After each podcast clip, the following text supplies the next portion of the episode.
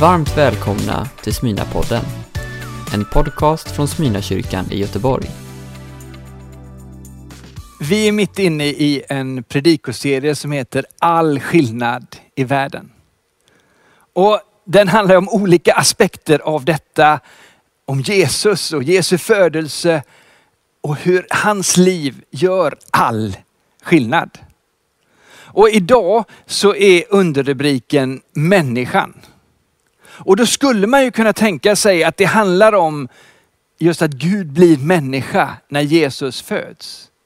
Men det är faktiskt inte den aspekten, inte den sidan som det kommer vara om idag. Utan det kommer handla om hur Gud, när de här avgörande skedena sker, när eh, Jesus både föds men Jesus också börjar verka, så använder Gud människor. Gud samverkar med, Gud verkar genom vanliga människor. Så därför har jag tänkt snurra kring en vanlig människa. Eller egentligen är han inte helt vanlig utan kanske ovanlig. Men på samma sätt som du och jag så är han människa fullt ut. Idag kommer vi tala om Johannes döparen. Och jag ska alldeles strax läsa texten från Matteus evangeliet och när vi kommer in i texten så är Johannes fängslad. Herodes Antipas har satt honom i fängelse och det beror på att denne profet har eh, gått till rätta med Herodes. Att sagt att han lever omoraliskt, han lever i osunda relationer och han har fördömt den relation som Herodes har med sin brors hustru. Och om det beror på att det är just det här moraliska tillrättavisandet som svider för Herodes. Eller om det är så att Herodes är rädd att det här som Johannes driver och, och påtalar ska uppvigla folket. Ja, vad som är skälet till att han har fängslat Johannes, det kan vi inte helt veta. Men Johannes är i alla fall satt i fängelse och vi läser. Matteus 11 och vers 2 framåt läser jag från. Johannes fick i sitt fängelse höra om Kristi gärningar. Och han skickar några av sina lärjungar för att fråga honom. Är du den som ska komma eller ska vi vänta på någon annan? Jesus svarar dem, gå och berätta för Johannes vad ni hör och ser. Att blinda ser, att lama går, spetälska blir rena, döva hör och döda står upp och fattiga får glädjebud. Salig den som inte kommer på fall för min skull. När de hade gått började Jesus tala till folket om Johannes. Vad gick ni ut i öknen för att se? Ett strå som vajar för vinden? Nej. Vad gick ni ut för att se? En man i fina kläder? Men de som bär fina kläder finns i kungapalatsen. Vad gick ni ut för att se? En profet. Ja, och jag säger er, en som är mer än en profet. Det är om honom det står skrivet, se jag sänder min budbärare före dig. Han ska bereda vägen för dig. Sannerligen, ingen av kvinna född har trätt fram som är större än Johannes döparen. Men den minste i himmelriket är större än han.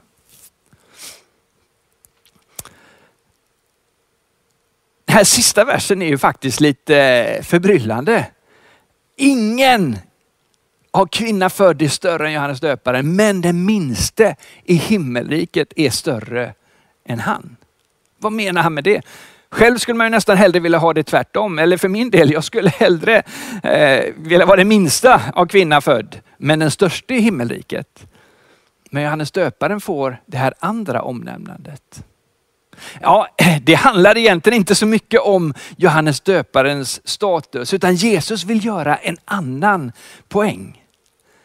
Det som händer, det som har hänt med att Jesus har fötts in i världen och det som händer nu när han påbörjar sin offentliga verksamhet och går ut och talar och verkar och, och visar på Guds rike eller på himmelriket. Är att detta är en ny era. En ny tid, någonting nytt är på väg att födas. Så det som han säger och det som han menar är precis det som är temat för den här predikoserien. Nämligen all skillnad i världen. Det som Jesus gör, gör all skillnad i världen. Framöver är ingenting detsamma. Någonting nytt kommer. Det här himmelriket är på ett nytt sätt. Så det han säger är, Johannes döparen må vara, ha varit det bästa, det största som har varit, den största av kvinna född. Men mot det som kommer med himmelriket, mot detta nya, så är han det minsta. Jesus vill visa på skillnaden som kommer med honom och hans liv och Guds inverkan in i vår värld. Intressant då är ju att i denna inverkan, när Gud blir människa, när Jesus visar sig i glimtar av himmelriket och när Jesus så småningom sen dör och uppstår i sitt liksom, kulmen av det han gör för oss som mänsklighet. I det så är det ett antal människor, vanliga människor, som är nyckelspelare, som får vara med, som får avgörande roller, som får betyda mycket. Och, och, nu som vi är i adventstid, en av dem som är väldigt tydligt är ju den unga kvinnan Maria som får bli Jesu mor. Men också Johannes döparen som, som Jesus här beskriver som vägröjaren. Johannes döparen som verkar precis före det att Jesus börjar sin offentliga verksamhet. Han, en vanlig människa, får vara den vägröjare som, som bereder väg för det som Jesus kommer och ska göra. En vanlig människa. Och Detta är ju intressant för man, på ett sätt kan man tänka, men det är ju så det är, det är väl klart det är så. Men det är klart att Gud skulle kunna göra på massa andra sätt.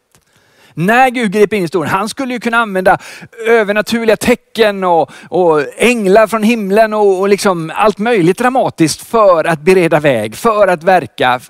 Han behöver ju inte göra på det här sättet. Men Gud använder vanliga människor, verkar genom vanliga människor. Verkar genom Johannes. Och Tittar vi tillbaka i den bibliska historien så ser vi att det här är ju inget engångstillfälle precis runt, runt Jesu liv. Utan det verkar ju vara sättet så som Gud verkar hela tiden. I samverkan med. Eh, genom att ge kraft, genom att leda, genom att eh, visa på. Verka genom vanliga människor. Redan när gudsfolket startas så är det ju med Abraham som tar ett steg i tro och på det sättet blir grunden för hela gudsfolket. Och lite senare sen när, när gudsfolket är i slaveri och fångenskap så är det Mose som trots sina brister och tillkortakommanden ändå blir ledaren som var med och föra folket till befrielse från slaveriet.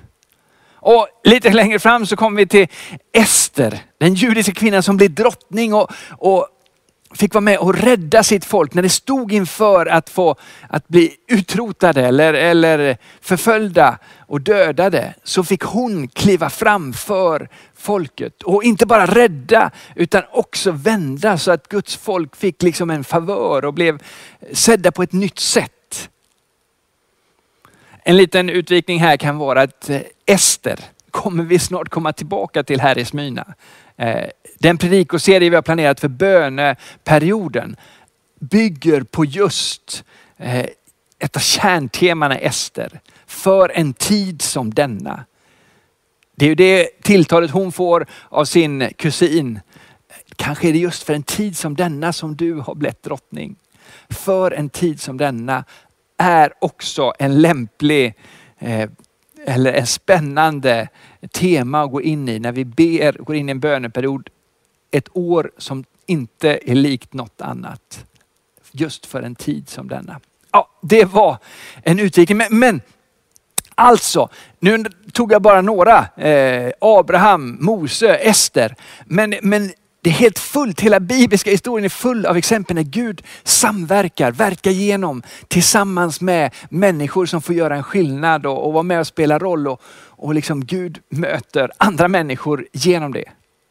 Och, äv, och sen även om vi tittar framåt också, det som hände efter Jesu död och uppståndelse. När vi läser om de första lärjungarna och, och när vi sen följer historien framåt så ser vi att Gud verkar genom och tillsammans med människor. Det är sådan Gud är. Det är så Gud verkar vara.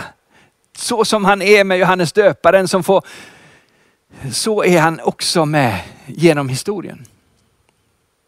Och då, intressant för oss är att det är ju samma nu. Gud vill verka tillsammans med oss, med mig, med dig. Gud vill verka genom oss eh, till nytta, till skillnad för andra. Detta är ju oerhört spännande och man kan fundera på, men hur, hur liksom, var börjar man det? Jag, jag tror att det är så enkelt som att man bara vänder sig till Gud i bön och säger, låt mig få gå tillsammans med dig, använd mig. Och, och sen också lyssna. Kanske blir man manad till någonting, kanske blir man ledd till något. Det kan vara i stort och smått. Det kan handla om en så enkel sak som att man kanske visar extra omtanke om någon. Att man ber för någon i sin hemgrupp. Att man går in i ett troget givande kollekt till, till församlingens arbete eller kyrkbygge som vi eh, står mitt i. Det kan handla om att man skriver en musikal som vi hörde. Att man startar någonting. Att man eh, är med och bygger på, på kyrkan. Eller att man eh, engagerar sig för en annan. Att man drar igång något. Gud kan mana till ett antal olika saker, men där vi kan få verka tillsammans med honom.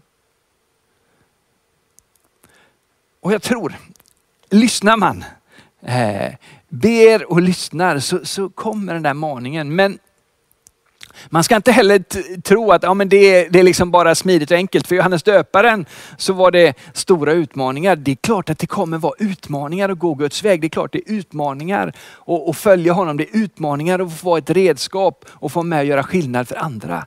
Men det är så mycket värt det och det är så intressant och så spännande att mitt liv kan få bli en del av något större. Jag kommer väldigt tydligt ihåg en, en händelse som var väldigt avgörande för mig när, när liksom den här insikten kom att Gud kunde faktiskt verka genom mig. Det var när jag var relativt ung tonåring och jag var med på, på ett läger som ledare. Ett läger här från Smyna, ett kristet läger, ett barnläger och jag var väl någon typ av hjälpledare. Eh, och så var vi där och, och det var någon kväll och, och, det finns en ö utanför Smynagården här där man åker ut och grillar då ibland. Och då, alla barn har varit där och grillat och ledarna höll på att forsla barn fram och tillbaka. Och jag hade fått uppgiften att jag skulle finnas vid logementen och, och mana på alla att gå till sina rum och göra sig i ordning och sådär. Och hur det nu var, så när barnen vällde upp så, så kom de plötsligt och hämtade mig och sa, åh det är en tjej här, hon, hon har jätte, jätteont i magen. Och jag var inte gammal själv, jag var kanske 14, jag vet inte. Eh, 15. Och det fanns inga andra ledare där i närheten. Alla var väl nere vid båtarna eller på grejer. greja. Så, så jag var liksom ensam där uppe och jag var, fick snabbt följa med och, och, man blir orolig. Och jag, vad ska man göra? Det kan vara blindtarm, det kan vara allt möjligt. Och hon låg där och kved och hade så fruktansvärt ont i magen. Och, eh, ja, vi skickar väl iväg någon för att hämta ytterligare några mer erfarna ledare. Men det enda jag kommer på att göra och som, som vi gör där då, det är att ja, men vi ber för detta. Så hennes kompisar och jag, vi, vi bad för henne och vi bad för det här magontet. Och redan när jag slutar be så, så snyftar hon så här, ja det känns redan bättre. Och sen efter en stund så kom det andra ledare och hon fick eh, hjälp och, och eh, men hon blev ändå kvar där på läget och det här gick ner och försvann. Det visade sig inte vara något mer allvarligt eller så. Men jag, jag, kommer ihåg den känslan att jag som ung, jag hade bett en bön där och redan när vi bad den så kändes det bättre. När jag kände mig maktlös, när jag inte visste hur jag skulle hantera det så bad jag. Och, och det kändes bättre för henne, det gjorde mindre ont. Och jag kommer ihåg att jag tänkte därefter, tänk att Gud hörde min bön. Tänk att det spelar roll, att, tänk att jag fick vara med, att jag gick uppmuntrad från det. Och sen är det någonting som har, eh, har jag fått se i mitt liv på många olika sätt givetvis. Hur när jag varit med och varit gjort olika saker, bett för saker, fått förmedla budskap och predikat men även startat och, och engagerat mig i saker. Att det har blivit större eller fått betyda mer in i människors liv än vad det bara jag kan åstadkomma. Utan att Gud faktiskt verkar genom mig. Detta är någonting fantastiskt. En sak med Johannes, Johannes döparen, är att han har egentligen två saker, två saker som jag tänker kan hjälpa oss och, och kanske speciellt dig som har lite dåligt självförtroende och, och, och, ibland tänker liksom, men hur kan Gud verka med mig och med alla mina, jag är liksom inte någon jätteandlig person eller vad det nu kan vara du har för invändningar. Johannes döparen har i alla fall två saker som, som är intressanta att se på och som faktiskt kan vara uppmuntrande för oss eh, som kämpar lite mer. Det första är att han, han var ju udda. Och det andra var att han tvivlar ju. Men, men vi tar det i, i turordning. Han var udda. Alltså Johannes döparen var ingen mainstream 0000-talet man. Alltså alldeles där runt år 0. Inte 00-talet, det var alldeles nyss, utan 0000-talet. Han var ingen standardman på den tiden. Han var udda. Vi ska läsa eh, en text, vi läser från Matteus kapitel 3 för att höra lite beskrivningarna av honom.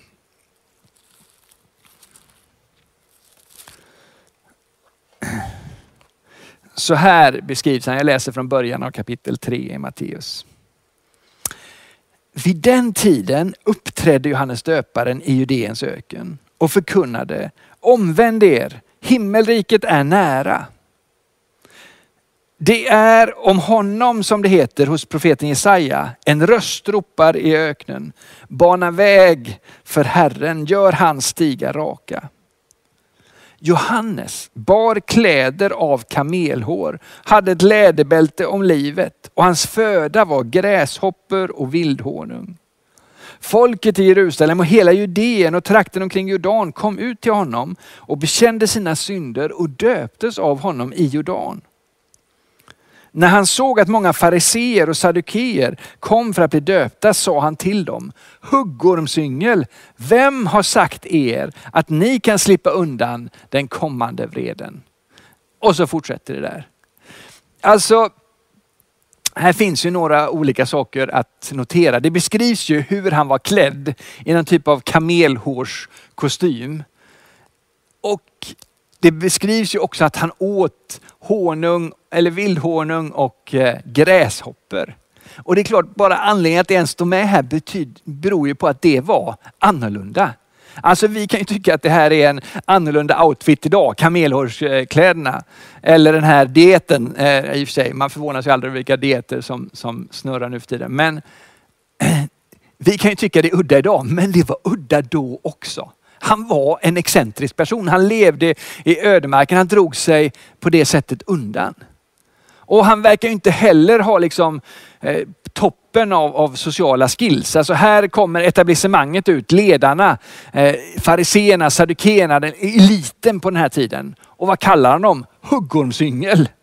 Och, och, och, i det avsnittet vi läste förut, som i och för sig utspelar sig lite senare när han är fängslad, ja, då har han gjort sig ovän med, med, med kungen själv, alltså Herodes. Eh, så han verkar inte vara liksom har liksom känslan för vad, hur det sociala samspelet funkar på ett allra smidigaste sätt i alla fall. Alltså nu lyfter jag ju fram Johannes udda sidor. Och det är ju inte så att han bara hade udda sidor. Han har ju fantastiskt många fina och starka sidor. Han var ju en sanningssägare, en profet, en som uppmuntrar människor till omvändelse och fick liksom vara med och visa på något nytt i människors liv. Han var dessutom en som inte vek ner sig. Jesus ger ju det här fantastiska omdömet om honom, eller beskriver honom som inte som ett strå som vajar. Han är alltså ingen som, som viker sig så, utan han står fast. Så han hade liksom den fastheten. Samtidigt, det vi läser om när han möter Jesus, då är han ju hur ödmjuk som helst. Han säger, jag är inte ens värdig att, att knyta upp hans sandalremmar. Han är hur ödmjuk som helst. Så, så Johannes hade ju en massa fina sidor och de här udda sidorna. Han var ju en mix. Precis som, som vi alla, en mix av, av olika saker. Eh, men dock hade han ju de här udda sidorna, kanske lite mer udda än, än mainstream då och mainstream även, även idag. Det är intressant det här för oss och uppmuntran till, till oss som kanske brottas lite eller kämpar lite. Gud använde honom. Gud verkar genom honom. Gud lät honom vara till välsignelse trots att han var udda. Eller genom hans udda sätt. Han, Gud verkar använda även udda personer. Original. Så det är du som tänker, men jag kanske är lite udda, är original, jag är nog lite för special. Gud använder sådana som dig. Det andra var ju detta med tvivlet och det var ju det avsnitt jag läste först. När Johannes sitter där i fängelset. Och kanske börjar tankarna komma ikapp. Han har liksom förberett för Jesus. Jesus har börjat verka.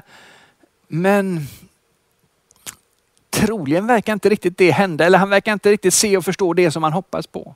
Kanske var det ju så att, att Johannes hade mer vad ska man säga, politisk förväntan på Jesus. En förväntan som vi ser att både folket och till viss del lärjungarna också hade när vi läser evangeliet. Kanske satt han där och tänker nu kommer det en som kommer ställa saker och ting till rätta, som kommer ställa våra ledare till svars och, och sådär. Men det händer liksom inte, inte på det sättet som han har tänkt sig. Utan Herodes Antipas, han fortsätter vara ledare och Johannes får fortsätta sitta fängslad. Jesus går inte till rätta med det. Och någonstans så, så kryper liksom tvivlen eh, fram hos Johannes. Men är det så här det ska vara? Är det verkligen detta vi hoppas på eller är det något annat?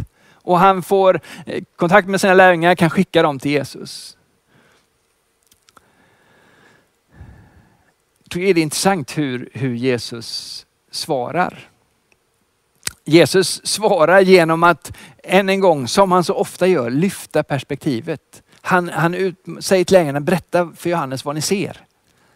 Och, och, det som, som han beskriver eller som händer runt omkring med, med sjuka som blir friska, döva som hör, blinda som ser, döda som uppstår, glädjebud för de fattiga.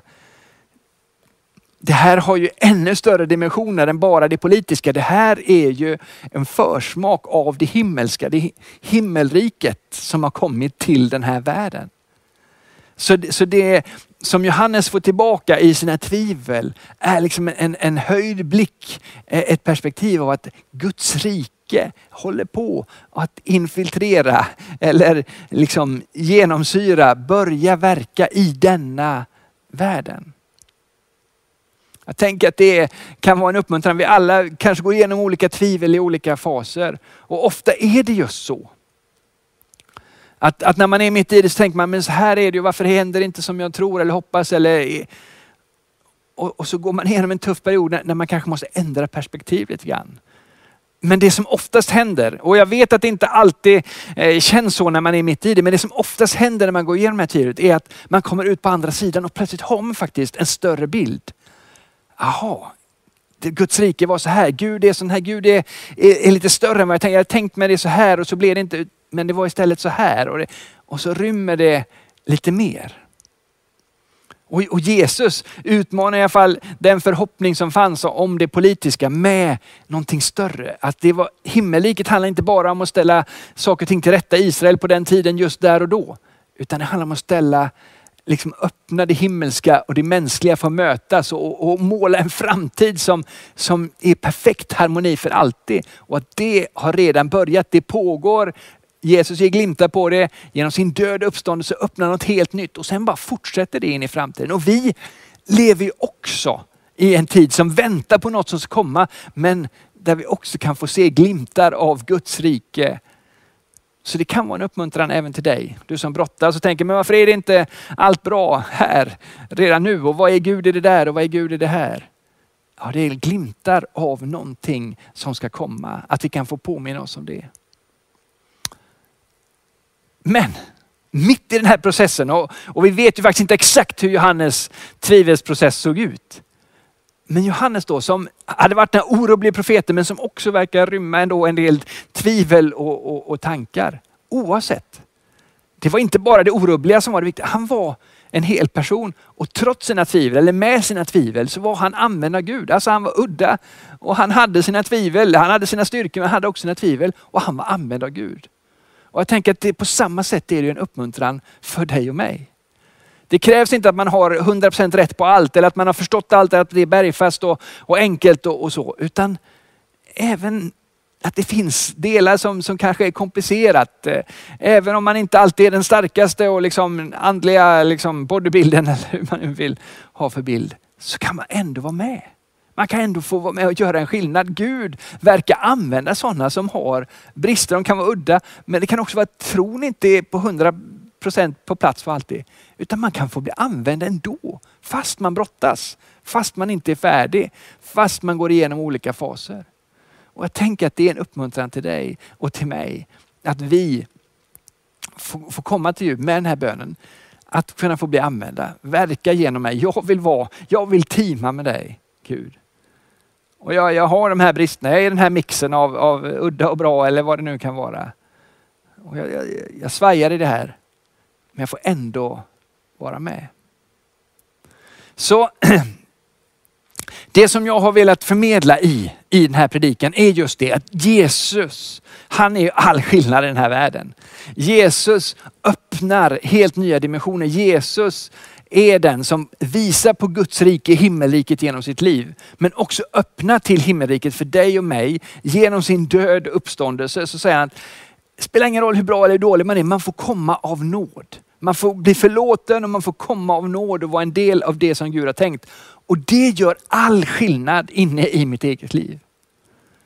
Men när Gud verkar, när Gud verkar eh, genom sin son så använder han också vanliga människor runt omkring. Vanliga människor får avgörande roller. Och på samma sätt är det nu. Vanliga människor får avgörande roller. Du bjuds in. Inte bara få ta emot en skillnad i ditt liv, utan också få med att genom ditt liv göra en skillnad som är långt mycket större än du själv. Du, precis som Johannes döparen eller Maria eller Ester eller Abraham eller Mose eller vilka vi nu vill jämföra oss med, kan få vara en kanal, en förmedlare av Guds kärlek, Guds nåd, Guds omsorg, Guds storhet. I det lilla och också i det som är stort. Det är inbjudan till dig idag. Vi ber. Tack Herre. Tack att du möter var och en unikt. Tack att du använder oss unikt. Och tack att vi inte är diskvalificerade utan med våra brister och tillkortakommanden så kan vi ändå få en tjänst till dig. Och vi får komma till dig precis som vi är. Komma till dig första gången eller 110 gången. Tack för dina öppna armar. Tack för din kärlek. I Jesu namn. Amen. Du har lyssnat på en predikan från Smyrnakyrkan i Göteborg. Hjärtligt välkommen att lyssna igen eller besöka Smyrnakyrkan. Gud välsigne dig och din vecka.